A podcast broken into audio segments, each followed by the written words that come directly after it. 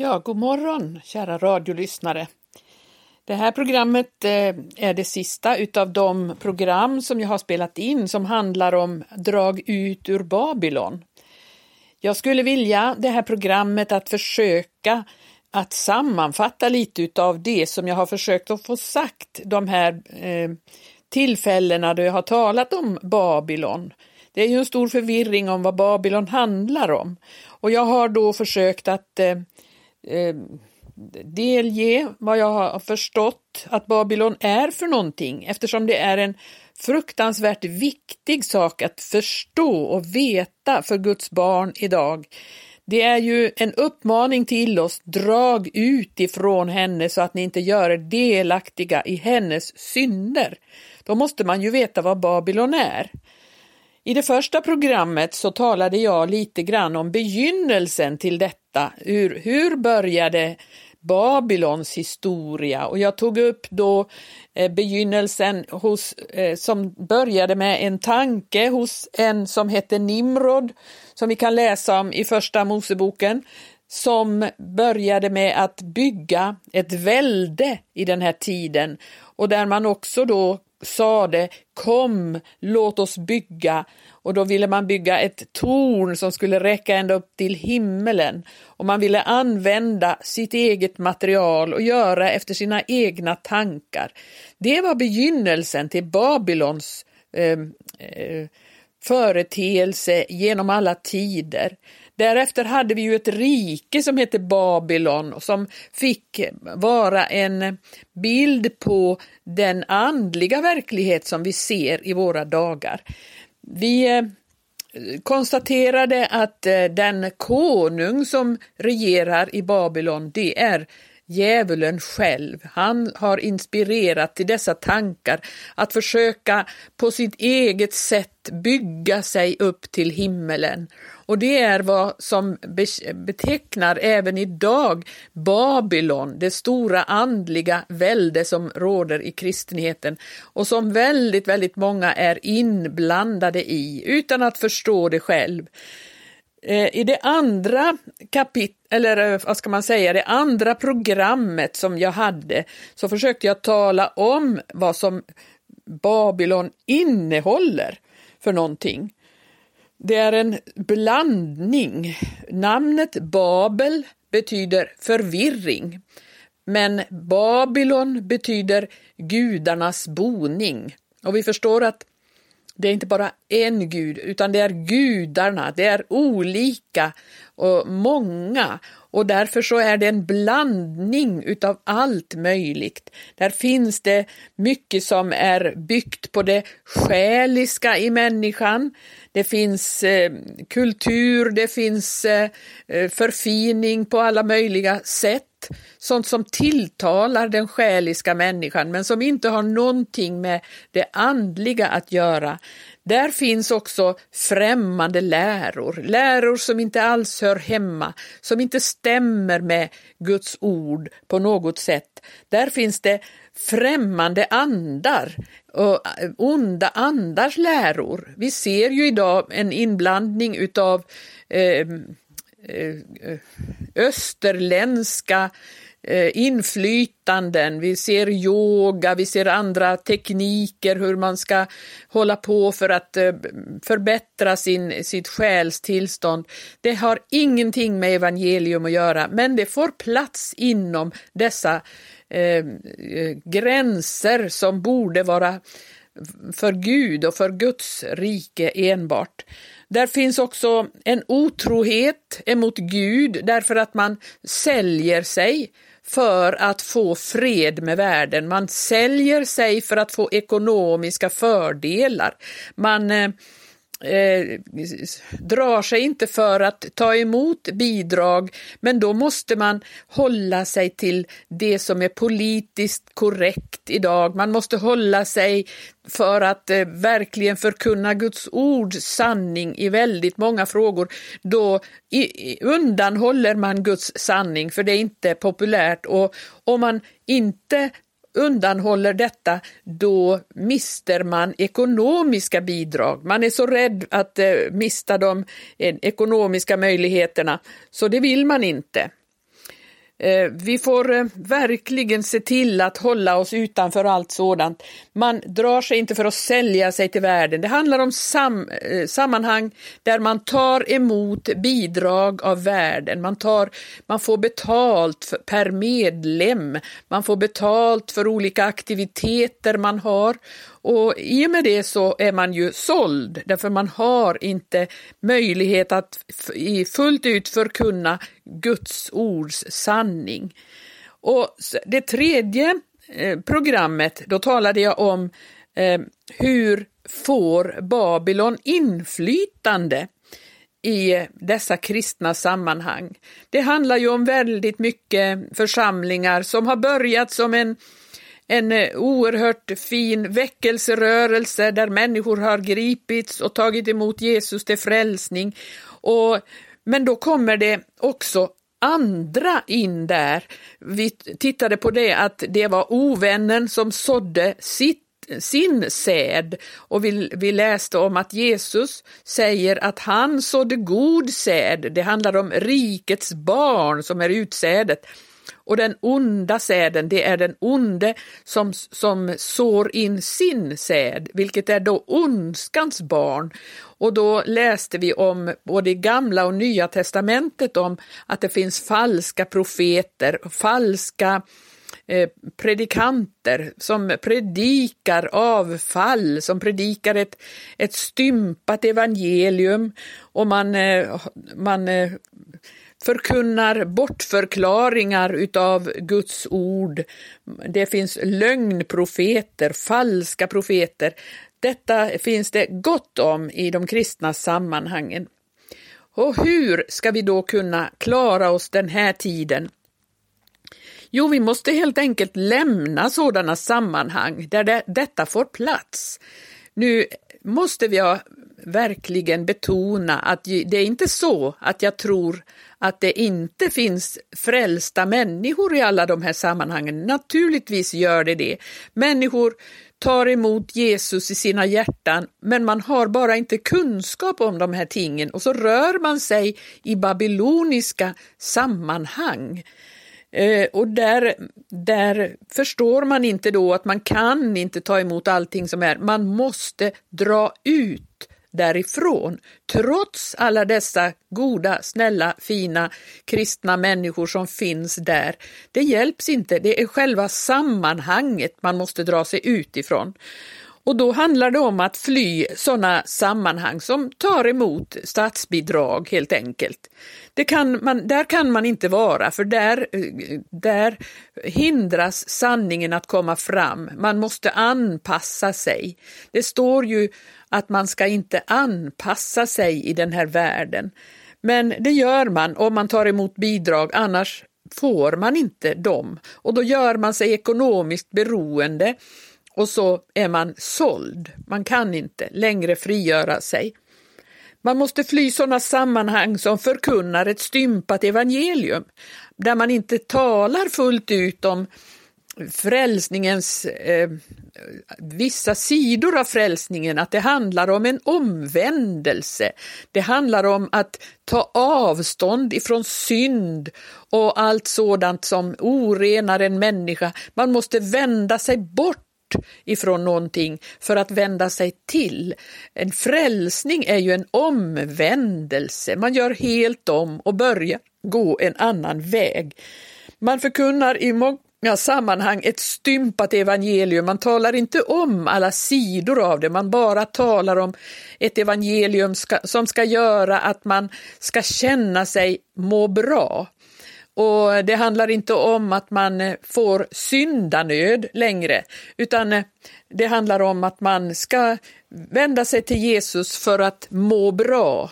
Och visst, det är klart man mår bra om man kommer i rätt ställning till Jesus, men evangelium går ju ut på rening ifrån synd, ifrån ondska, ifrån skuld och skam och allt det som inte behagar Gud.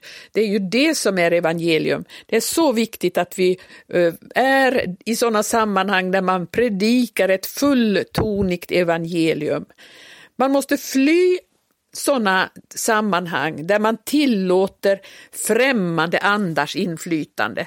Man, man, kan inte vara i ett sammanhang där man sysslar med de här eh, österländska teknikerna där man har för sig eh, detta med yoga eller och, och, så kallar man det på något annat sätt, något kristet eh, sätt Eh, man säger att det handlar om bönetekniker där man istället för de här hinduiska eh, gudanamnen så säger man någonting kristet istället och så blir det en slags kristen eh, meditation istället för allt det där är österländskt inspirerat och inspirerat av onda andar för att vi ska närma oss, eh, närma oss hinduism och främmande läror, främ, onda andars läror.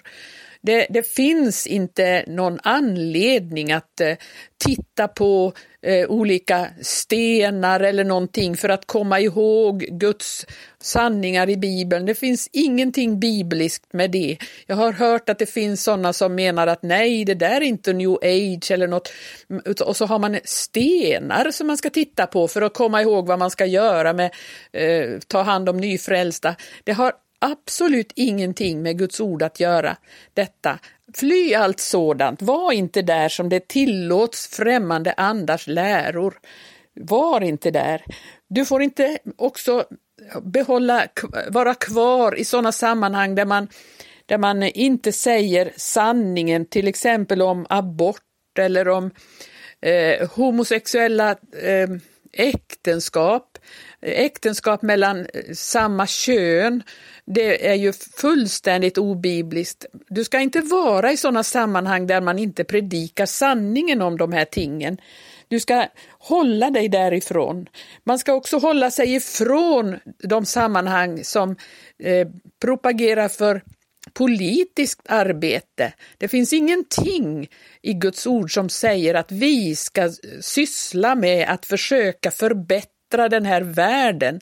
Och vi ska inte putsa på världens system. Det finns ingen anledning att arbeta politiskt. Vi har att arbeta med himmelriket. Himmelriket är det vi tillhör. Vi ska verkligen inte syssla med att eh, försöka föra in några kristna värderingar, för det har ingen som helst effekt. Det vi ska göra, det är att försöka vinna människor för Jesus. Det är vår uppgift här i tiden. Något annat har inte Gud gett oss eh, en eh, anledning att eh, syssla med. Jag önskar dig verkligen att eh, förstå det här. Det finns också sammanhang som verkar väldigt mycket för ekumenik. Det går inte att sammanföra det som ordet redan har åtskilt. Man tror att man ska arbeta för att skapa enhet mellan kristna grupper och det är en ekumenik som blir farlig därför att man kan inte ha gemenskap med dem som inte har den fulla hela sanningen. Det vi ska göra, det enda Guds ord säger, det är att vi ska bevara andens enhet genom fridens band. Vi ska bevara någonting som redan finns, därför att när anden eh, får råda i människors liv, då finns där en enhet. Den ska vi bevara, men vi ska inte försöka skapa en enhet som redan eh, inte finns. Därför att Guds ord har åtskilt.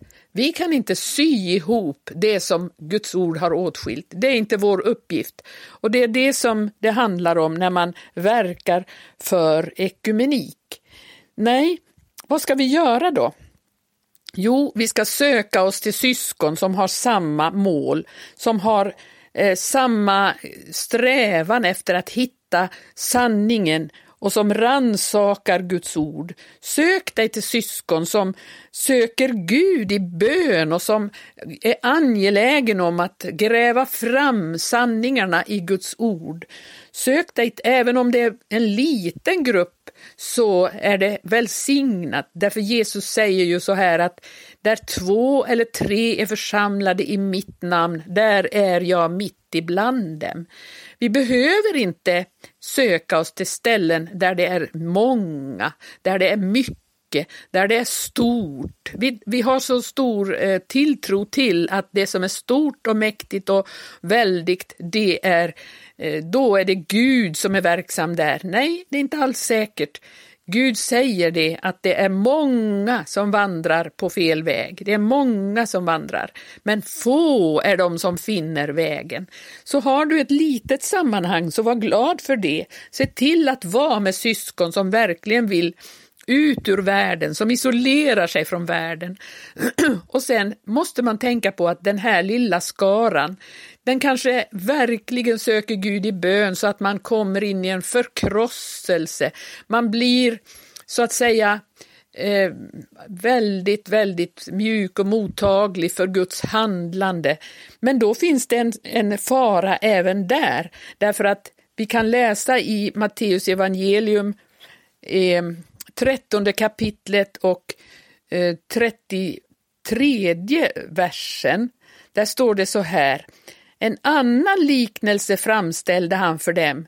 Himmelriket är likt en surdeg som en kvinna tager och blandar in i tre skeppor mjöl till dess allt sammans bliver syrat.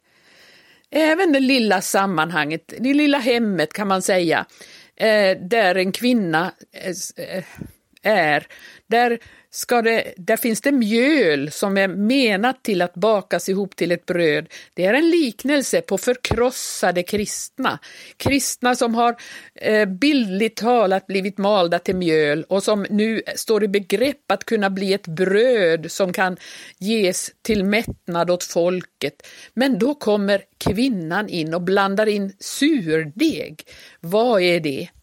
Jo, det är också en bild på vad denna babyloniska sköka kan göra. När detta lilla har kommit, ja men då är det så känsligt, då kommer hon och blandar in surdeg, vilket är helt enkelt gammal deg. Någon deg som har jäst, någonting som är från förut. Det ska vara allt som har med Guds rike att göra, ska vara nytt och fräscht idag. Och därför är det en fara, vi måste vakta vid dörren så inte denna kvinna kommer, blandar in den här surdegen i det lilla och nya sammanhanget. Nej, bevara dig ifrån att eh, låta surdegen komma in i det som Gud gör. Det finns alltid en anledning att vara isolerad. Syskon som kommer tillsammans måste hålla sig isolerade. Och vi, vi, såg ju det också förut att det finns en fara i när det växer. Vi såg det här med senapskornet. Det var en fara i att eh, när det blev stort så, så kom högmodet in och man tyckte att nu är jag så stor. Nu är jag så stor och så kommer de onda andarna få tillfälle att komma dit och sätta sig på grenarna och ta plats där. Nej, vi måste bevaras eh, isolerade. Det finns ingenting som vi behöver stoltsera med.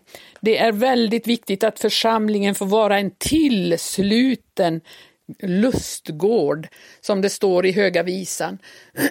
Jag ska läsa ett sammanhang som handlar om Hiskia. Han, eh, eh, han eh, var ju en god konung i, i eh, judarike och han hade verkligen sökt Gud i allt han gjorde.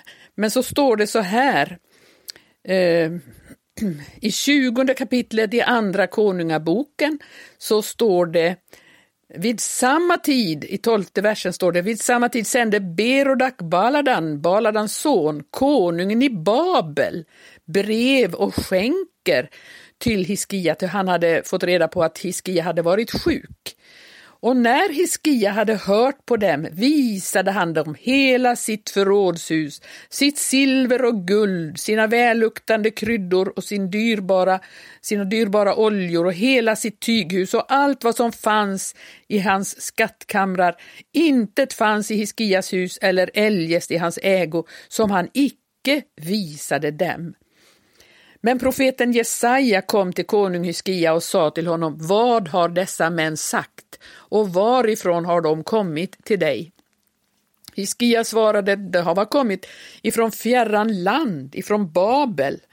Han sa vidare, vad har de sett i ditt hus? Och Hiskia svarade, allt som är i mitt hus har de sett. Intet finns i mina skattkamrar som jag icke har visat dem.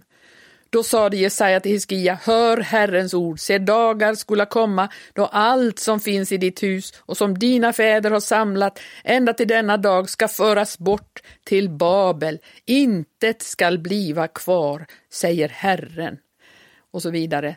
Tänk, det var inte meningen att han skulle visa allt han hade för Babylons sändebud. Och det är ju så här att har vi då en församling där det börjar hända saker, där det sker ting, människor blir frälsta, då blir vi så lätt stolta över detta. Så vi, vi vill visa upp det, vi vill eh, skryta om det för Babylons eh, sändebud. Vi vill kanske visa upp, här sker det saker, titta vad som händer med oss. Här är det fantastiskt, vilka rikedomar vi har i vår lilla församling. Nej, församlingen ska vara tillsluten. Vi har ingen anledning att yvas eller stoltsera med det som Gud gör. Vi ska, vara, eh, vi ska hålla oss för goda för att på det sättet lämna ut vad som händer i vår lilla grupp. Det står i Klagovisorna 1 och 10 så står det så här. Ovännen räckte ut sin hand efter allt vad dyrbart hon ägde. Ja, Ovännen räcker ut sin hand. Vi ska inte visa upp någonting för ovännen. Han har inte med det att göra, det som sker i Guds församling. Det är någonting som vi ska hålla för oss själva. Vi ska vara eh, noga med att inte låta högmodet komma in eller någon annan gammal lära ska få komma in, utan det ska vara rent, det ska vara nytt det ska vara fräscht och då ska vi glädjas inför Gud, därför allt det dyrbara, det ska in i hans rike och har ingenting med någon annan att göra. Det ska vi inte visa upp för någon annan, men vi kan glädja oss när Herren gör saker och ting i vår lilla krets. Och jag önskar verkligen att jag på något sätt har kunnat vägleda dig som har lyssnat till de här programmen, att du förstår vad Babylon är och att det inte handlar om enskilda människor i alla dessa sammanhang, utan det handlar om systemen, det handlar om de avfallna församlingarna. Och vi måste hålla oss utanför och rena ifrån allt sådant. Vi måste draga ut ifrån Babylon, för snart kommer domen. Det, det finns en dom, den kan vi läsa om på flera ställen i Guds rike, eh, eller Guds ord, om hur domen ska komma över Babylon. Och det kommer snart. Och då handlar det om att du och jag måste vid det tillfället vara utanför. Och Gud välsigne dig att söka Guds rike och, och förstå att det inte har någonting att göra med dessa fallna sammanhang. Gud välsigne dig att rena dig ifrån Babylons tankar och idéer och rena dig genom att lyssna till Guds ord, ta vara på Guds ord och leva enligt Guds ord. Gud välsigne dig. Amen.